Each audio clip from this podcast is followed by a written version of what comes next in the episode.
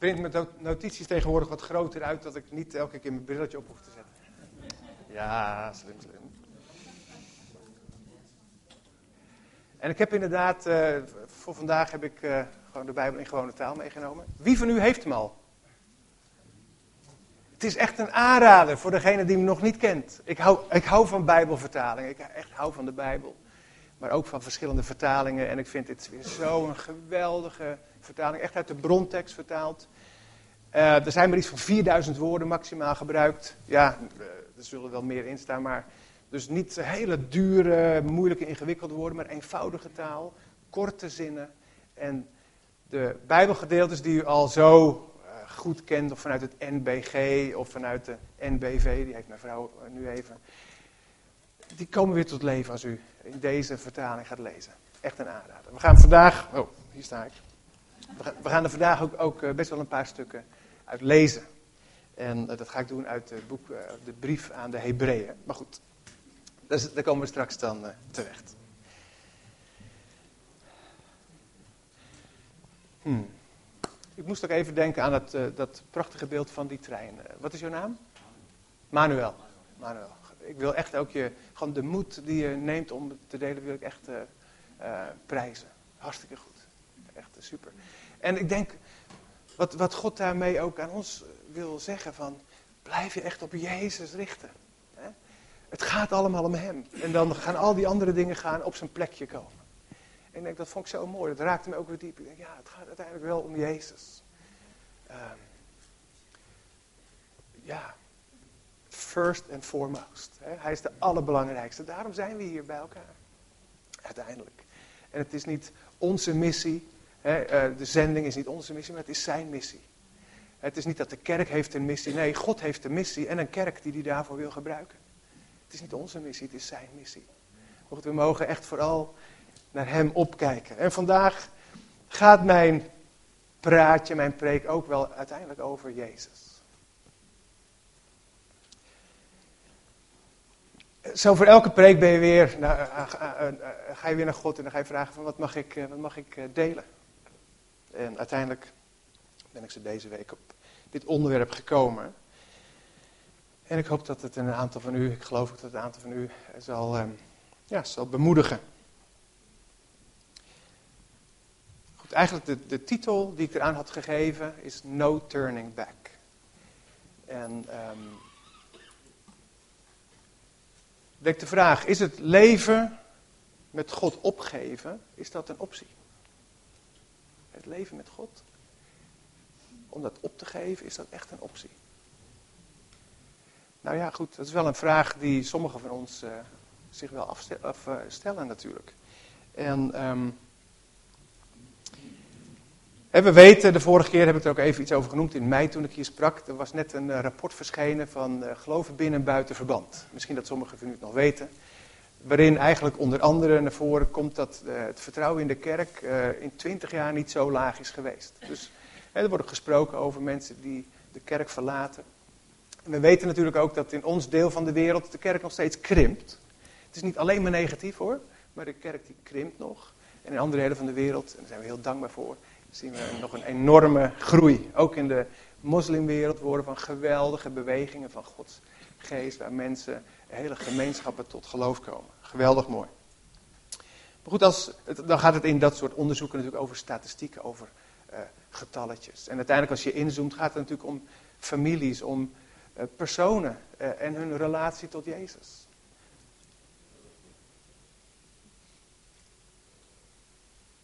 En we weten gelukkig ook dat niet elke kerkverlater God verlaat. Daar zijn we heel dankbaar voor dat dat in elk geval niet zo is. Maar helaas gebeurt het ook wel. Mensen die God loslaten.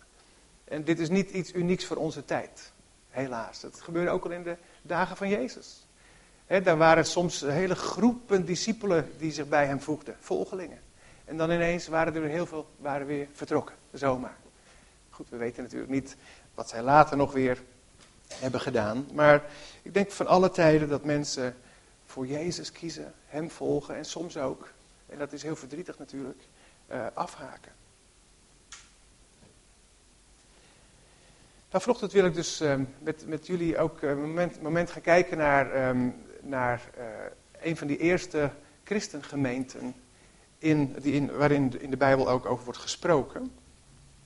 Ook naar aanleiding van het, het boek Hebreeën, de brief aan de Hebreeën gericht.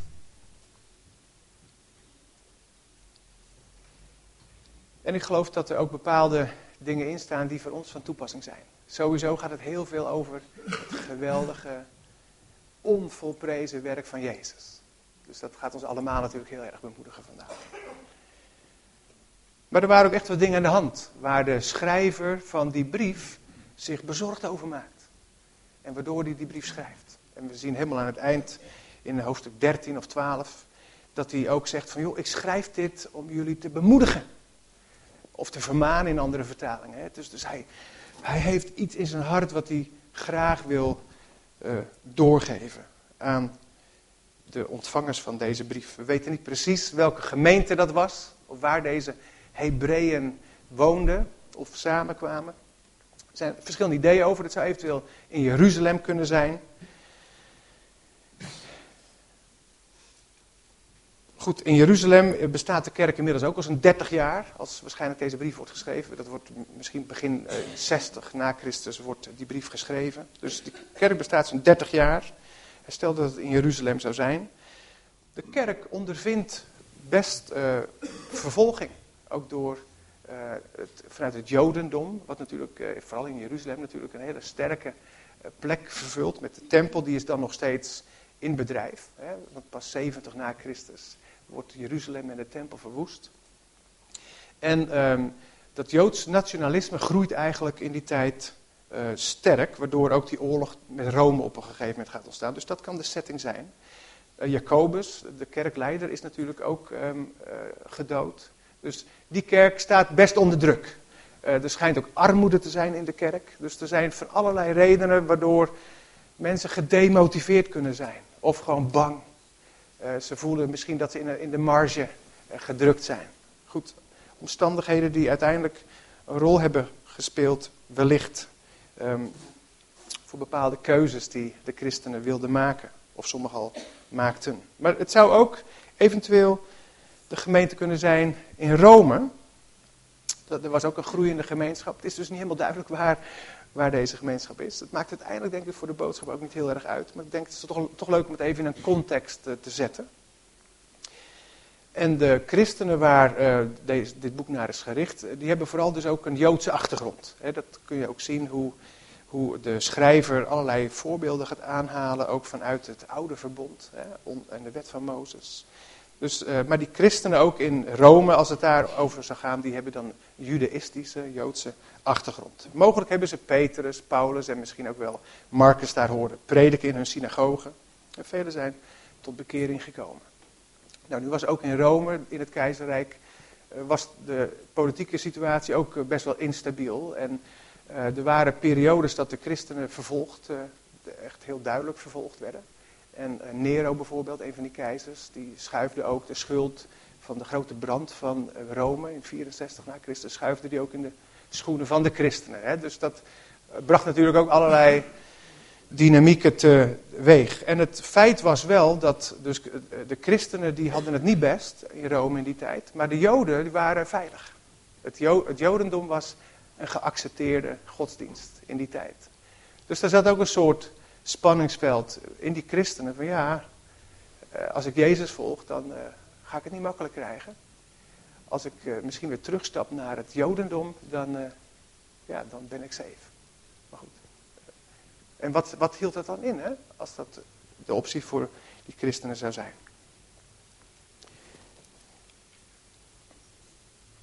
Goed, er is dus een leider die ziet dat de christenen moe, gestreden zijn, gedemotiveerd en, en ook wel ja, bang.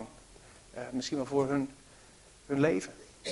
En deze leider die zegt van jongens, ik ga deze medebroers en zussen ga ik echt bemoedigen. Ik ga alles uit de kast halen om ze te laten zien dat het volgen van Jezus, dat dat gewoon het aller, allerbeste is. Dat het eigenlijk niet handig zou zijn om van hem weg te lopen. om het maar even zo te zeggen. Het is heel mooi in, deze, in dit Bijbelboek. Er zijn een aantal opvallende dingen. Ik weet niet wie het Bijbelboek uh, wel eens uh, leest. Het is echt een prachtig, prachtig boek. Uh, je kunt het bijna zien als een soort commentaar op Leviticus. Want heel veel haakt de schrijver terug naar de, de, de wet van Mozes. Die natuurlijk in Leviticus met de offers en de priesterdienst helemaal wordt omschreven. En de Hebreeën schrijver die haakt heel veel terug op die gebruiken, op die tradities, op wat er allemaal gebeurt. Maar die vergelijkt dat dan met het nieuwe verbond. Je hebt het oude verbond natuurlijk. En met het nieuwe verbond. Waarin um, natuurlijk de offergave zoals die vroeger was, is, is uh, vervangen. En eigenlijk is de, het hele verhaal, en daar spendeert hij hoofdstuk na hoofdstuk na hoofdstuk aan, gaat erover van jongens, het, het nieuwe verbond is zoveel beter, zoveel beter dan het oude verbond. Het oude verbond is eigenlijk een soort van achterhaald. Dat zegt hij hier. En bijvoorbeeld oud. Ik schreef een paar, paar, paar dingen van oud zijn. En ik hoop dat u nieuwsgierig wordt om het eens even te lezen, want het is echt ontzettend leuk. Interessant, mooi.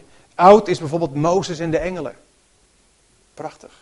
Nieuw is Jezus en die wordt ver boven Mozes, die natuurlijk de grote leider toch ook wel was, hè, toch voor de, de, de, de Joden, de Israëlieten. Maar Jezus is daar ver boven, zelfs boven de engelen. Dus daar gaat het over. En Jezus is goddelijk. In 1 vers 3 staat dat hij de exacte afdruk is van het wezen van God. dus de afstraling van de heerlijkheid van God. Dus daar wordt al over gezegd van, joh, Jezus, die is echt, wauw. Mozes, engelen, Jezus is, is top. Oud was ook dat God sprak door de profeten.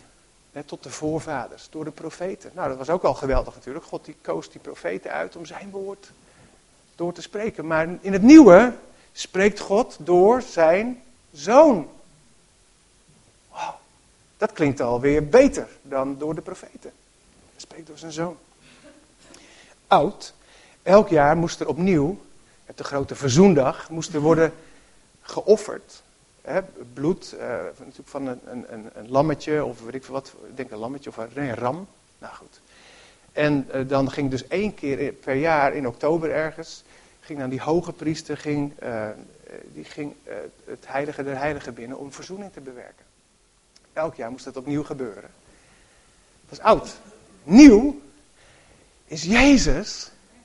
Die is zowel het, volmaakte offer, hè, dus dat, dat, is, dat is alweer beter dan een offer van een dier met zijn eigen bloed, gaat niet zomaar even naar het heilige der heiligen, maar die ging naar de hemel. Om verzoening te bewerken. Nou, je, als je die twee vergelijkt, nou welke wint er dan? Nieuwe verbond, hè? Toch wel? Oud verzoening door de hoge priester bewerkt. En in het nieuwe door de great high priest, hè, de grote hoge priester. Daar wordt ook alweer gezegd, Jezus is van een andere orde dan de gewone priester. Dus geweldig. We zien daar dus het oude verbond, nieuwe verbond. Nou, dat is allemaal even om straks ook uit te leggen waar die christenen dan op een gegeven moment ook een stukje strijd mee hadden. Nou, er zijn er veel repeterende woorden in dit boek. Bijvoorbeeld uh, beter dan, hè, beter, betere belofte, beter verbond, groter, meer. Dat zijn ook woorden die allemaal voeden. Van, jongens, het nieuwe verbond is gewoon het oude was de schaduw, of de verafschaduwing van, van het nieuwe. Dat is de realiteit. Dus constant wordt daar, die twee dingen worden daar tegenover elkaar gezet. En dan, en dat is natuurlijk de schrijver, hier is de schrijver om te doen, dat gebaseerd op, op, op, die, op die analyse. Roept hij de gelovigen op. Gebaseerd op wie Jezus is. Die nieuwe openbaring die ze hebben in Christus die nieuwe realiteit van het nieuwe verbond, wat veel beter is dan het oude.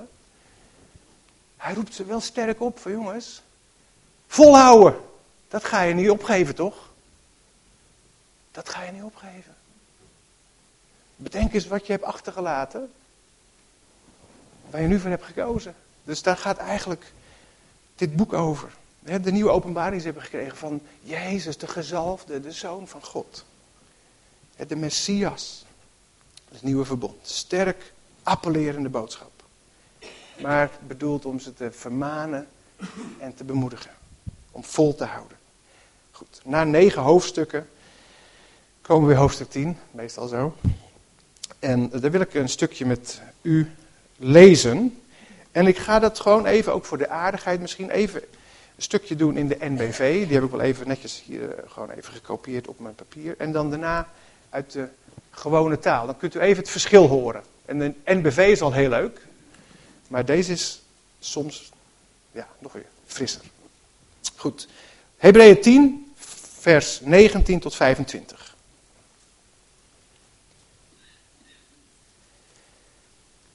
Broeders en zusters, dankzij, dit is van de NBV-vertaling, dankzij het bloed van Jezus kunnen we zonder schroom binnengaan in het heiligdom.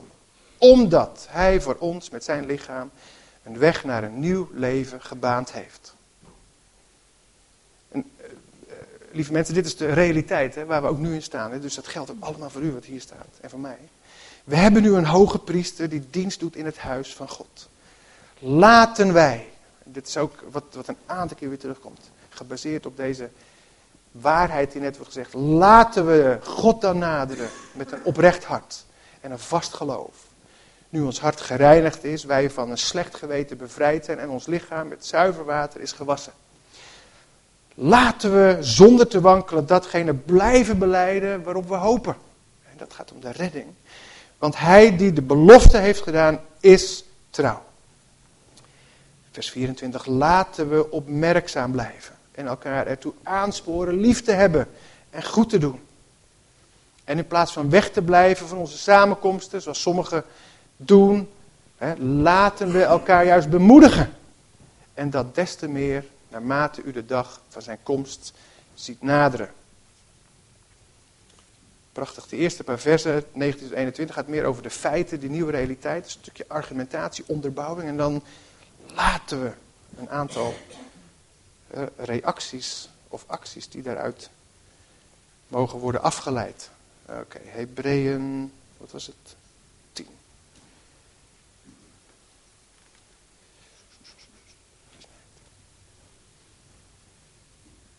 Oké. Okay.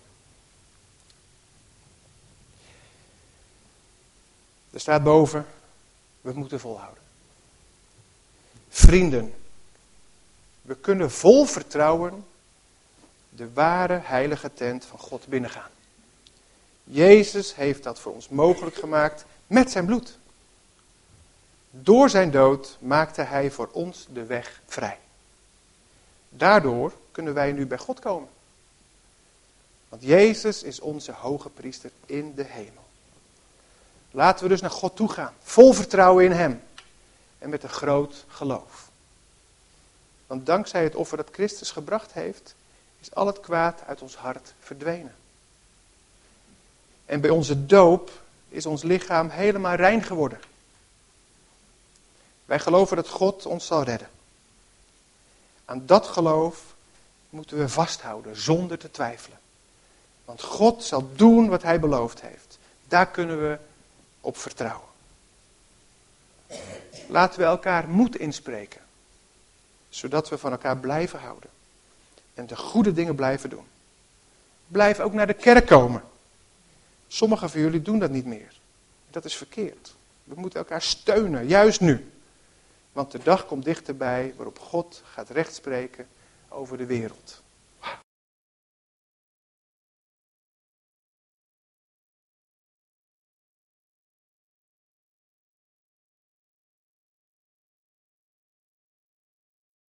Realiteit van Jezus die in de hemel dingen heeft klaargemaakt. Hij heeft het geregeld voor u. Weet u, dit was ook het probleem waar Saulus, later Paulus, uh, tegenaan liep. En waardoor hij die christenen, die, die, die christelijke secten zo vervolgde. Hij was natuurlijk opgevoed met het feit dat zuivere gehoorzaamheid aan de wet je kon redden. En nu was er ineens Jezus die zei van nee, het is de genade van Jezus, geloof alleen, die je redt. En dat was natuurlijk een enorme verandering. En ook waar dus uh, Saulus echt vurig zich tegen verzette, totdat hij Jezus natuurlijk ontmoette. We hebben hier te maken met Jezus die inderdaad het allemaal heeft geregeld. En wij hoeven te zeggen van, Heer, we ontvangen het en we geloven inderdaad dat u het voor ons heeft gedaan. Wauw. En dan roept hier de Hebreeën schrijver ons op ook, en, de, natuurlijk de eerste lezers, om oprecht te zijn, trouw.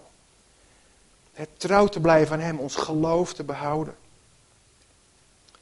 Het te blijven beleiden waarop wij hopen.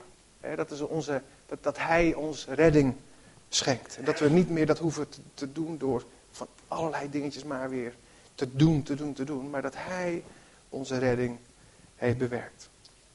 En dat we elkaar mogen aanmoedigen. En dat is ook denk ik voor ons belangrijk hier in de gemeente. We gaan ook door een beetje een roerige tijd. Laten we elkaar echt aanmoedigen. Kijk, en het gaat dus eigenlijk niet om de kerk, het gaat om Jezus. Laten we elkaar aanmoedigen om ook niet de bijeenkomsten te verzuimen. Want hoe hard hebben we het niet nodig? De vriendschap met elkaar. Als u zelf een keer een beetje zwaar zit, zal ik maar zeggen. Hoe geweldig is het niet als je een broer of zus hebt die gewoon even een arm om je heen slaat en die, die eens naar je luistert. Die je bemoedigt, die voor je kan bidden. Waar kan je dat vinden buiten de gemeenschap van deze gemeente? Natuurlijk zijn er ook andere gemeentes, zeker. En, en, en, en zijn wellicht allemaal goede redenen voor mensen om, om misschien niet te zijn vandaag. Maar we worden aangemoedigd van verzuim niet, want er ligt juist een stuk bemoediging wat je zo nodig hebt ook in de gemeente. Aan de voorwaarde om in die gemeenschap met God te leven is voldaan. Dat heeft Jezus bewerkt. Hè? Leef. Jezus heeft die weg gebaand door het voorhangsel heen naar God zelf. Natuurlijk spreken we ook veel over uh, getuigen in deze wereld. Hè? Ik werk samen met Oela voor een zendingsorganisatie, daar gaat het bij ons helemaal over. Maar als, wij kunnen dat niet doen als we niet eerst die diepe geloofzekerheid in ons hart hebben. En daar gaat het in deze, in deze brief vooral over. En dat we echt vasthouden aan wie Jezus is. Als je daar wankelt, ja, dan, dan zal je getuigenis ook wankelen. Maar als je die geloofzekerheid opnieuw hebt, dan zal je een geweldig en krachtig getuigenis hebben. Hoe eenvoudig ook en hoe gebroken. Maar dan weet je gewoon dat uiteindelijk Jezus het heeft gedaan. Wil nog een klein stukje lezen, een paar versen uit hoofdstuk 10. Eh, vanaf vers 35. En heel veel van de hoofdstukken die gaan komen eigenlijk in dit boek, nou dat zijn er nog maar een paar, die gaan over datzelfde thema, jongens. Hou vol, hou vol, hou vol. Hebreeën 10 vers 35. Blijf ook nu op God vertrouwen. Dan zullen jullie een grote beloning krijgen. Houd vol en doe wat God wil. Dan zullen jullie krijgen wat God beloofd heeft. Dan vers 39. Vrienden, wij zijn geen mensen die het geloof opgeven en hun leven verliezen. Nee, wij blijven geloven en daardoor zullen we ons leven redden.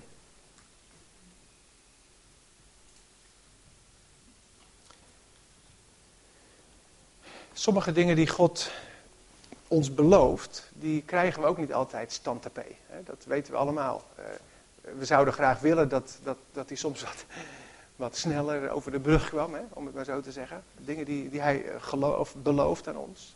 Maar de, de, timing van God kunnen we niet altijd doorgronden. Um, in hoofdstuk 11 van dit boek uh, staat, het, staat het vol met mensen die eigenlijk nooit de volledige vervulling van die belofte hebben gezien. En dat vind ik niet per se motiverend. Als dat uh, bij zoveel mensen al het geval is, in hoeverre zal dat bij ons zo zijn. Maar ik denk voor een deel gaat het hier vooral over natuurlijk dat de, de beloofde Messias, hè, die was nog niet gekomen. Die mensen zijn allemaal al dood gegaan, nog voor die tijd. Maar ze hielden vast aan God. En aan zijn belofte, aan de woorden van de profeten die zeiden van er gaat iemand komen. Die gaat de wet op de harten van de mensen schrijven, enzovoort, enzovoort. Ze hebben dat vastgehouden. En ze zijn daardoor een inspirerend voorbeeld. Alleen al op dat gebied van het vasthouden aan God. Hè, voor de gelovigen ook. Uit deze eerste christengemeente. Maar goed, vanuit deze Hebreeënbrief was, was het dus de verleiding voor uh, sommige van, van de christenen om hun christelijk geloof, als het ware, weer in te wisselen voor het Joodse geloof. We weten niet precies wat alle redenen daarvoor zijn, maar vervolging zal zeker, of de dreiging van verdrukking, vervolging zal zeker een reden zijn geweest. Ja, en, en daar sta je dan. Ik bedoel, wat zou ik hebben gedaan in die situatie? Kijk, nu, nu voel ik me best sterk. Maar goed, als je dan in zo'n situatie natuurlijk staat van vervolging. Helaas, helaas, helaas. Uh, zijn de afgelopen jaren de, is de christenvervolging uh, is op, een, op een niveau gekomen wat, wat ongekend is. En we, we zien natuurlijk in het nieuws de vreselijke beelden van IS. We weten van de Centraal-Afrikaanse Republiek en andere landen dat heel veel christenen uh, het heel, heel zwaar hebben. Gelukkig hebben we organisaties Open Doors die ons ook oproepen om te bidden en om op andere manieren hen te steunen. Maar goed, wat zouden wij doen in zo'n situatie? Hoe sterk is ons vertrouwen op God, in Jezus? Als het zelfs ook om onze gewoon uh, vege lijf gaat. Maar goed, eh, vervolging, dat kan ook op andere manieren, kan dat heel dichtbij komen. Dat kan eh, misschien ook in uw geval zijn dat je misschien door je familie wordt buitengesloten. Omdat je Jezus dient. Ik weet, mijn, mijn ouders vroeger waren de ban gedaan door de kerk waar ze een hele leven deel van waren. Omdat ze op een nieuwe manier, een stukje nieuwe openbaring van wat ze hadden ontvangen van wie Jezus was en hoe zij kinderen van God mochten zijn dat ze zich lieten dopen. Werden ze in de band gedaan door de kerk. Nou, dat was voor hun ook niet uh, makkelijk. In het dorp Harmelen, waar ik ben opgegroeid, en niet zo ver hier vandaan, werden ze met de nek aangekeken. Nou, nu is dat gelukkig iets, iets minder vandaag de dag. Maar je kunt nog steeds door pesterij, vervelende situatie, misschien op je werk of in de straat, daar kun je nog steeds ook vandaag hier in Nederland mee te maken hebben. Als jij zegt van, joh, ik, ik volg Jezus denken mensen soms van je bent gek joh. Dus, en hoe, hoe gaat u daarmee om? dat, dat kan misschien voor sommigen een reden zijn om te denken, ja, nou ja, goed, ach, is dat het me waard? Maar er zijn ook andere redenen waarop mensen soms afhaken. En ik denk dat u, u er ook wel een paar zou kunnen noemen. dat kan, groot is denk ik teleurstelling. Teleurstelling van mensen die met Jezus wandelen, die gewoon teleurgesteld raken in de kerk, de instituutkerk. Ook in de evangelische gemeente. Otto de Bruin heeft ooit een boek geschreven. Heeft ooit een boek geschreven. Heeft een boek geschreven, ooit evangelisch. Ik weet niet of sommigen van jullie dat wel eens hebben gezien, het boek. Hij heeft ook onderzoek gedaan naar vrienden van hem die jaren in evangelische gemeentes heel actief waren in Nederland. En op een gegeven moment zag hij ze niet meer. Hij ontmoette ze niet meer op die bijeenkomsten. Is hij dat eens gaan onderzoeken ontdekte hij dat er best wel een achterdeur is in evangelische gemeenten. Waar mensen na gemiddeld zo'n 18 jaar actief en enthousiast hebben gediend. Een soort van, ja, stilletjes eh, vertrekken. En een aantal van de respondenten, ik heb daar even iets meer, ik heb het boek niet gelezen, maar wel even wat, wat uh, reviews erover. Daar, een aantal respondenten hebben ook echt het geloof vaarwel gezegd. Dan denk ik, wauw. Kijk, dat vind ik nou echt heartbreaking. Dat iemand zegt van, joh, eh, eh, misschien is, is, is deze stijl van gemeente, dat past niet meer zo bij me. En, dat je dan een andere lokale gemeente zoekt. Daar kan ik me nog iets bij voorstellen. Maar dat je op een gegeven moment echt God loslaat. Maar goed, teleurstelling kan soms zo diep gaan dat je, dat je het hele geloof maar weggooit. Terwijl je eigenlijk die kerk zat bent. En dat is ook jammer. Ik bedoel, ja, laten we allemaal verlangen dat we een, een bruisende, liefhebbende gemeente zijn. Niet exclusief en eh, gesloten, maar open, gasvrij, liefdevol. Wauw. Maar teleurstelling is, een, is, een, eh, is, is uh, reëel. En dat mensen daardoor ook afhaken gewoon van Jezus. Kijk, een andere reden waardoor mensen soms afhaken is gewoon welvaart, succes, rijkdom. En mensen kunnen zichzelf wel redden waar heb je dan God nog voor nodig? Uiteindelijk weten we ook dat, dat, dat op een gegeven moment rijkdom en materiële dingen kunnen een soort afgod gaan worden. mammon eh, kan je echt wegtrekken van God. dus succes, rijkdom, comfort kan ons ook wegtrekken van Jezus. Het kan ook meer subtiel zijn, onverschilligheid, gemakzucht, gezapigheid. Denk waar passie op een gegeven moment gaat verdwijnen, ja, dan kom je ook in een soort gevarenzone. Want je hebt, je hebt, je hebt het nodig dat je heel bewust ook zegt van ik, ik hou vol, ik dien Jezus, ik hou, ik hou van Hem en ik wil dat ook laten zien. Als je, als je op een gegeven moment, nou dan waarschijnlijk red je het niet, helaas. Dus we mogen echt elkaar er ook in aansporen. Je moet dan ook wel eens denken aan, aan onkruid in je, in je achtertuintje. Als je denkt van, oh, dat zien de mensen niet, hè? dat zit achter mijn huis. Als je in een rijtjeshuis tenminste woont. Hè? Dat zit achter mijn huis. En je doet er niks aan. Op een gegeven moment, kan ik je wel verzekeren, dan groeit het over je huis heen. En dan ben je wel rijkelijk laat. Hè? Dus je moet gewoon zorgen dat je nauwgezet, ook met zonde in je leven. Als je denkt van, ah, een beetje, een beetje kan wel, hè. Nou, op een gegeven moment dan groeit het over je heen. En dat, kan, dat kan je losmaken van God. En dat willen, dat, willen, dat willen we niet. Zeker niet ook voor elkaar. En we willen juist dat mensen worden toegevoegd aan die gemeente. En dat mensen die hem nog niet kennen hem gaan ontmoeten. En we willen zeker niet dat mensen uit ons midden weggaan. Dat is natuurlijk helemaal, dat is helemaal ook niet wat Jezus wil.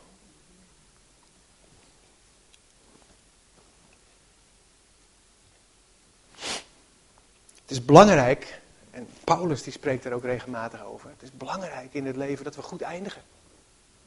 En daar wil ik nog even een paar korte dingen over gaan zeggen. Ook nog een stukje uit Hebreeën natuurlijk lezen. Maar de apostel Paulus die noemt het wel een aantal keer in zijn brieven. Die heeft het over een wedloop, over een race. Nou, er zitten natuurlijk heel veel, heel veel dingen zitten daarin. Maar ja, dat je wel moet volhouden om dat af te kunnen maken. Dat als, je, halverwege eruit stapt, ja, dan is dat wel echt heel jammer. Ehm, maar goed, het is vooral natuurlijk zo in dit leven. Het moment waarin ons leven hier stopt en we overgaan tot de eeuwigheid. Ja, waar sta je? Waar sta je? Op, op het moment wanneer het gebeurt. En we weten niet wanneer het gebeurt. Dat kan voor mij misschien wel in een uurtje zijn. Ja, ik hoop het nog niet. Maar goed, het kan ook zijn dat ik wel honderd word. En dat, dat, eh, dat gaan we allemaal meemaken. Nou ja, ik bedoel, we gaan zien of dat gebeurt. Maar we weten het gewoon niet. En we hoeven niet uit angst daarvoor, hè, dat we de eeuwigheid buiten Gods aanwezigheid worden gesteld. Het gaat niet om de angst. Maar het is wel een realiteit. Hè. Wat geloven wij? En wat houden we vast over wie Jezus is? Paulus, we weten dat zijn leven, dat ging niet altijd over rozen. Hij is een paar keer gestenigd, hij heeft van alles doorstaan. Hij heeft honger doorstaan, uh, rijkdom, armoede, van alles heeft hij gekend. En dan zegt hij op een gegeven moment, kort voordat hij geëxecuteerd gaat worden, um, in gevangenschap natuurlijk, 2 Timotheus 4 vers 7 staat daar. Dan zegt hij, ik heb de goede strijd gestreden, de wedloop volbracht, het geloof behouden. Kijk, hij wist op een gegeven moment van ja, het, is nu onvermijdelijk het eind. Hij zag het echt aankomen. Uh, als je ziek wordt, uh, dodelijk ziek, dan zie je ook soms het einde aankomen. Of je wordt heel erg oud en je ziet dat het langzaam je lichaam zwakker wordt. Maar goed, uh, velen van ons zijn ook nog sterk. En dan denk je, ja, goed, wij zien het nog niet aankomen. Maar zijn we wel ergens in ons hart elk moment klaar? Staan we in het geloof? In wie Jezus is en wat hij voor ons heeft klaar liggen. Hoofdstuk 12, we willen een klein stukje lezen nog uit Hebreeën, hoofdstuk 12. We hebben natuurlijk hoofdstuk 11, gaat over die geloofsgetuigen, die helden. Die hebben volgehouden tot het eind, ook al zagen ze nog niet de volle vervulling van wat God had beloofd. Ze waren in elk geval goed geëindigd. En dan lees ik vanuit hoofdstuk 12, vanaf vers 1.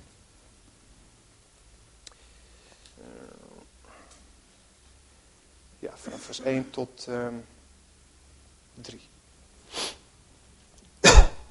Sorry hoor. Uit de heilige boeken kennen we dus veel mensen met een groot geloof. Nou, dan haakt hij even terug op hoofdstuk 11. Hè? Uit de heilige boeken, natuurlijk het Oude Testament toen, kennen we dus veel mensen met een groot geloof. We moeten hun voorbeeld volgen en de zonde achter ons laten. Want die zonde zorgt er steeds weer voor dat we ons geloof willen opgeven. Maar we moeten juist aan ons geloof blijven vasthouden. Laten we, daar, laten we daarbij steeds blijven denken aan Jezus. Hij zorgde ervoor dat we gingen geloven.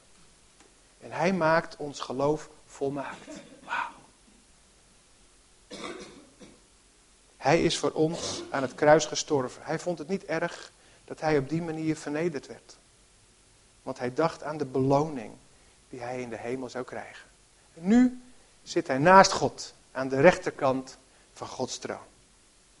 Ja, blijf aan Jezus denken. Toen slechte mensen hem uitscholden, heeft hij volgehouden.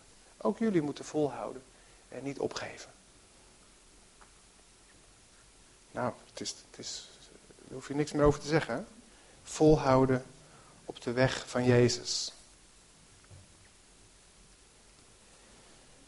Goed, even een paar voorbeelden ook uit de Bijbel van mensen die op een gegeven moment, uh, mensen die bijvoorbeeld niet goed eindigden, waar we wellicht van kunnen leren, en mensen die weer wel goed eindigden. Gewoon om even te laten zien van, het maakt wel uit. Prachtig voorbeeld uit het Oude Testament van iemand die eigenlijk eh, helaas niet zo goed eindigt, maar wel uh, een hele ja, super persoon was. Maar goed, dan zie je het weer, als je slecht eindigt, wat heb je daar dan nog aan? Dat was Salomo. Salomo was iemand van een enorme wijsheid. Diepe, diepe liefde voor God. Mocht de tempel bouwen. Wat, wat hij allemaal meemaakt, eh, de wijsheid die hij van God krijgt, de rijkdom die hij van God krijgt, de, de connecties, de, de favor, de gunst ook van om, omliggende volken. Maar hij had wel ook een, bepaalde verleiding in zijn leven. En dat staat onder andere in Koningen 11. Hij had 700 vrouwen. Nee, 700 hoofdvrouwen. Nou, hoe je dat voor elkaar krijgt, weet ik ook niet. En 300 bijvrouwen. Ik zou kunnen denken misschien een paar hoofdvrouwen en dan de rest bijvrouwen. Maar goed, 700 hoofdvrouwen, 300 bijvrouwen. En deze vrouwen maakten hem ontrouw. Dat, is belangrijk om te horen. Op zijn oude dag verleidden zij hem ertoe andere goden te gaan dienen. En was hij de Heer, zijn God, niet meer met hart en ziel toegedaan zoals zijn vader David dat was geweest. Daar word je toch heel verdrietig van. Ik weet niet hoe God uiteindelijk uh, hem heeft uh, ontvangen of, geoordeeld. Hè. Daar, gaan we gelukkig ook niet over. Maar wat ontzettend jammer dat iemand die zo'n geweldig leven had, uh, dat hij ja, eigenlijk van God is afgedreven aan het eind van zijn leven. Dan hebben we Judas natuurlijk. Die maakt één kapitale fout. Judas. Was een discipel van Jezus. Een vriend van Jezus. En uiteindelijk maakte één kapitale fout. Kon hij niet meer herstellen. Dus dat liep heel slecht af voor Judas. Maar het kan ook geleidelijker slecht aflopen. Bijvoorbeeld een voorbeeld van eh, in 2 Timotheus 4 van Demas. En daar schrijft op een gegeven moment Paulus over, hè, dat uh, Demas heeft mij verlaten, zegt hij. Want hij heeft deze wereld lief gekregen. Dat is niet één kapitale fout geweest, maar misschien wel 200 kleine keuzes. Hè, die hem langzaam hebben af doen drijven, omdat de wereld aan hem trok. Dus goed voorbeelden van mensen die niet goed zijn geëindigd. Die kennen we ook uit, ons eigen leven. Mensen die, waarvan we weten dat ze God hebben losgelaten. Jezus hebben losgelaten. Daar mogen we echt voor bidden. Want, want we willen dat deze mensen ook weer terugkomen. En dat wil God ook. Ook hier uit de gemeente. En we horen natuurlijk ook wel eens, uh, dat is soms groot in, in de media, over uh, christelijke leiders die vallen. En dat, uh, er zijn natuurlijk veel gevaren waar iemand die heel succesvol wordt in een bediening ook aan staat blootgesteld. We hoeven maar te denken aan de drie grootste valkuilen, seks, geld en macht. En er zijn helaas veel succesvolle leiders in de bediening zijn op een gegeven moment onderuit gegaan. We weten niet of ze God hebben losgelaten, dat hoop je maar van niet. Maar wat een schade kan dat veroorzaken. Ook, uh, uh, ook voor de heerlijkheid van, van Gods naam. Maar het gebeurt ook andersom. En dit vind ik ook wel heel interessant. En dat wil ik ook even voorlezen en dan kom ik tot een eindiging hoor. Of tot een slot. Ehm, iemand uit de Bijbel die echt een schurk tot je met was.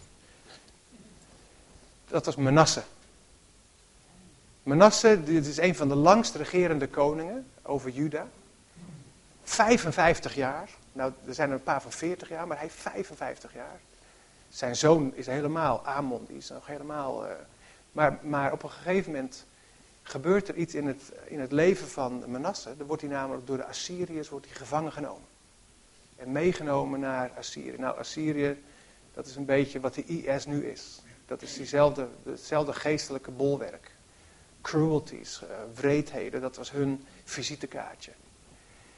Dus hij werd geketend en al werd hij meegenomen naar, uh, naar Assyrië. En daar beseft hij zijn eh, belabberde conditie. En dan bekeert hij zich terug tot God. Ik dacht eens, dat, dat kan toch niet? Maar in kronieken staat dat. Hè? In, koningen, in koningen heeft hij geen goed eind, maar in kronieken wel. Dat is wel grappig.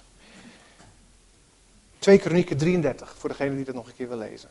Hij, hij, hij bekeert zich tot God en dan gebeurt het wonder dat hij nog weer terug mag naar Jeruzalem. En dan gaat hij proberen om alle fouten die hij heeft gemaakt te herstellen. Nou, dat lukt hem niet helemaal. Want dat volk zit natuurlijk helemaal in een, in een patroon van afgoderij. Maar hij eindigt goed. Als dat alleen al een soort van voorbeeld voor ons kan zijn. En dan hebben we natuurlijk de misdadiger aan het, aan het kruis naast Jezus. Dat is echt op het randje. Niet waar? Maar uiteindelijk, uiteindelijk eindigt hij goed. Omdat hij Jezus erkent als de Messias en de Zoon van God.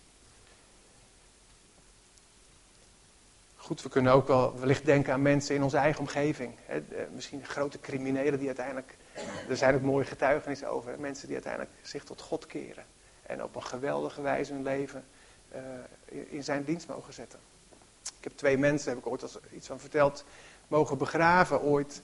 Die uh, ook in, de, in, in dat laatste hoofdstukje van hun leven Jezus hebben ontmoet. Dus die zijn, ook al was hun leven, vooral van boer Gerrit heb ik toen wel eens iets over verteld, zo'n kluizenaarboer. Zijn leven eigenlijk verprutst.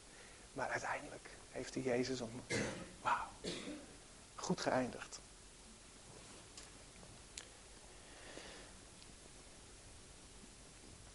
Nog even een kort stukje uit Hebreeën. Dat lees ik dan gewoon even voor. Eh, uit, uh, van mijn papier, Hebreeën 4. Dat is ook weer een, dezelfde soort aanmoediging eh, als een herhaling als het ware. Nu wij, in vers 14. Nu wij, of daar wij in de NBG. Nu wij een hoog geplaatste, een mega, een grote, mega hoge priester hebben. Die de hemel is doorgegaan, Jezus de Zoon van God. Moeten wij vasthouden de herziene staatvertaling zegt, laten wij dan. Maar moeten wij vasthouden aan het geloof dat we beleiden. Want de hoge priester die we hebben, is er één die met onze zwakheden kan meevoelen. Juist omdat hij, net als wij, in elk opzicht op de proef is gesteld. Met dit verschil dat hij niet gevallen is door, of tot zonde. Dat is wel bijzonder. We hebben natuurlijk een groot, we hebben niet een gewone hoge priester, maar een groot hoge priester.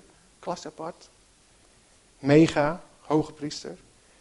Dus dat heeft hij al, dat is geweldig. Maar hij kan ook meevoelen met onze zwakheden. Dat is al een tweede uniek punt van een hoge priester. Hij is natuurlijk ook mens geweest, ook verleid. En dan het derde is dat hij, ondanks al die verleidingen, ondanks ook het leven wat hij heeft geleefd, dat hij niet is vervallen tot zonde. Wat een geweldig, wat een geweldige hoge priester hebben wij. Laten we dus zonder schroom. De andere vertaling staat met vrijmoedigheid. Het bij is het zonder wat en de andere met wat. Zonder schroom of met vrijmoedigheid naderen tot de troon van de genadige. Waar we telkens als we hulp nodig hebben. En dat hebben we denk ik regelmatig, hulp nodig. Kunnen we vol vrijmoedigheid, kunnen we naar de genadige. Hè, waar barmhartigheid en genade gevonden kan worden. Wat geweldig dat de schrijver ons aanmoedigt om zonder schroom. Hè, niet te twijfelen, net als onder de wet, of je dan alles wel goed had gedaan. Al je ritueeltjes, of, je dan, uh, of het goed genoeg was. Nee, we hoeven allemaal niet over te twijfelen.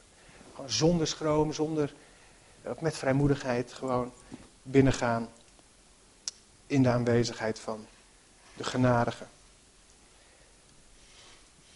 Ik wil straks gaan afsluiten om gewoon even een lied te laten horen van een, ehm, eh, ja, een lied te laten horen. Een bekend lied wellicht, maar ik wil het ook even kort inleiden. En nogmaals, voordat ik dat doe, ook nog even een conclusie van Paulus. Die zegt in, is het Filippenzen 3, vers 16. met, de, met de inzichten die God ons geeft. En natuurlijk heeft hij dat gedaan door het leven van Jezus, hebben we net gelezen, ook in Hebreeën. Maar God eh, geeft ons eh, ook voortschrijdend inzicht in bepaalde dingen. Of hij geeft ons een visie ergens voor, of een opdracht ergens voor. En in hoeverre kunnen we dat omarmen en een deel van ons maken en zeggen van Heer, u wil geschieden in mijn leven. Dan zegt Paulus in de brief aan de Filippenzen, 3 vers 16. Ik lees even in twee talen. NBV, in ieder geval, zegt hij, laten we op de ingeslagen weg voortgaan. no turning back. In de Bijbel voor de gewone taal staat, bedenk in ieder geval, we hebben al veel bereikt, maar nu moeten we ook doorgaan. We hebben al veel bereikt, maar nu moeten we ook doorgaan. No turning back. Er is um, twee eeuwen geleden, dat is een korte inleiding op het lied, dus zet hem alvast maar klaar. Twee eeuwen geleden was er een, uh, een, opwekking in Wales, de Welsh Revival, waar ook veel zendelingen uit zijn uh, ontstaan, of uit zijn uitgezonden. Onder andere naar Noordoost-India. En daar was op een gegeven moment een zendeling die, uh, en dat was een gebied echt met barbaarse volken, de headhunters, hè, de koppensnellers, allemaal dat voor soort type volken zaten daar. Dus niet, uh, niet uh, zo vriendelijk, zal ik maar zeggen. Zeker niet voor de vijanden. Maar um, op een gegeven moment was er een zendeling die uiteindelijk iemand uit zo'n volk bereikte met het evangelie. En die mensen die werden dus ja, Jezus-volgers, werden christen. En dat, dat was kennelijk besmettelijk in de zin van dat zij in hun stam andere mensen tot geloof in Jezus zagen komen. En op een gegeven moment kreeg hij dat stamhoofd, eh, die, die chief, kreeg daar lucht van. Riep iedereen bij elkaar en liet dat gezin voor, uh, voor, uh, um, voor hem komen. Um, en vroeg dus aan die, aan die man van, ik wil dat jij nu je geloof in Jezus gaat herroepen. En anders gaan er slechte dingen met je gebeuren. Dan ga ik je kinderen doden als je dat niet doet. Nou, en hij zei ook van ja, nee, ik ga het geloven in Jezus ga ik niet uh, uh, uh, herroepen. En toen heeft hij gezegd, I have decided to follow Jesus. No turning back. Zijn kinderen werden gedood, ter plekke. Zei de chief opnieuw. Ik wil dat je je geloof in Jezus herroept. Nou, hij zei, dat kan ik niet doen. Heeft hij en dit is allemaal gedocumenteerd en er is een lied over geschreven, we gaan straks naar luisteren. En hij zegt, als, als je niet eh, dat herroept, dan zal je vrouw worden gedood. Nou, hij hield natuurlijk veel van zijn vrouw en van zijn kinderen, maar hij zegt, ik kan geloof in Jezus niet herroepen. Though none will go with me, still I will follow, zei hij. Als er niemand met me meegaat, dan volg ik hem nog steeds. No turning back. Nou, die vrouw werd gedood. Opnieuw zei de chief. Jij moet je geloof in Jezus herroepen. Als je dat niet doet, zullen we je doden. Hij was natuurlijk alles al kwijt. En dan zegt hij: The cross before me, the world behind me. No turning back. voor hem op dat moment, het kruis voor hem, de wereld achter hem. En hij werd gedood. Deze chief was zo diep geraakt door het standvastige geloof van deze man. Dat, dat hij te plekke zich bekeert tot Jezus. En heel veel mensen uit die stam tot geloof komen. Dan denk je, wauw. Eén gezin die niet hebben opgegeven, maar hebben gezegd van wij volgen Jezus, no matter what. Dan denk ik, jongen, jongen, beetje af. Ik hoop dat ik dat ook zo zou doen. Laten we gaan luisteren naar dit lied. En ik denk dat is een heel mooi lied. Het is een oud gezang. Uiteindelijk is het door een Indiër is het ook uh, in, een, in, een, in, een, in een lied ge, gemaakt. We kennen het denk ik allemaal. Hè? I have decided. Nee. Ja, um, yeah, I have decided to follow Jesus. No turning back. No turning back. Als we dat hebben geluisterd, dan zal ik met een gebed eindigen.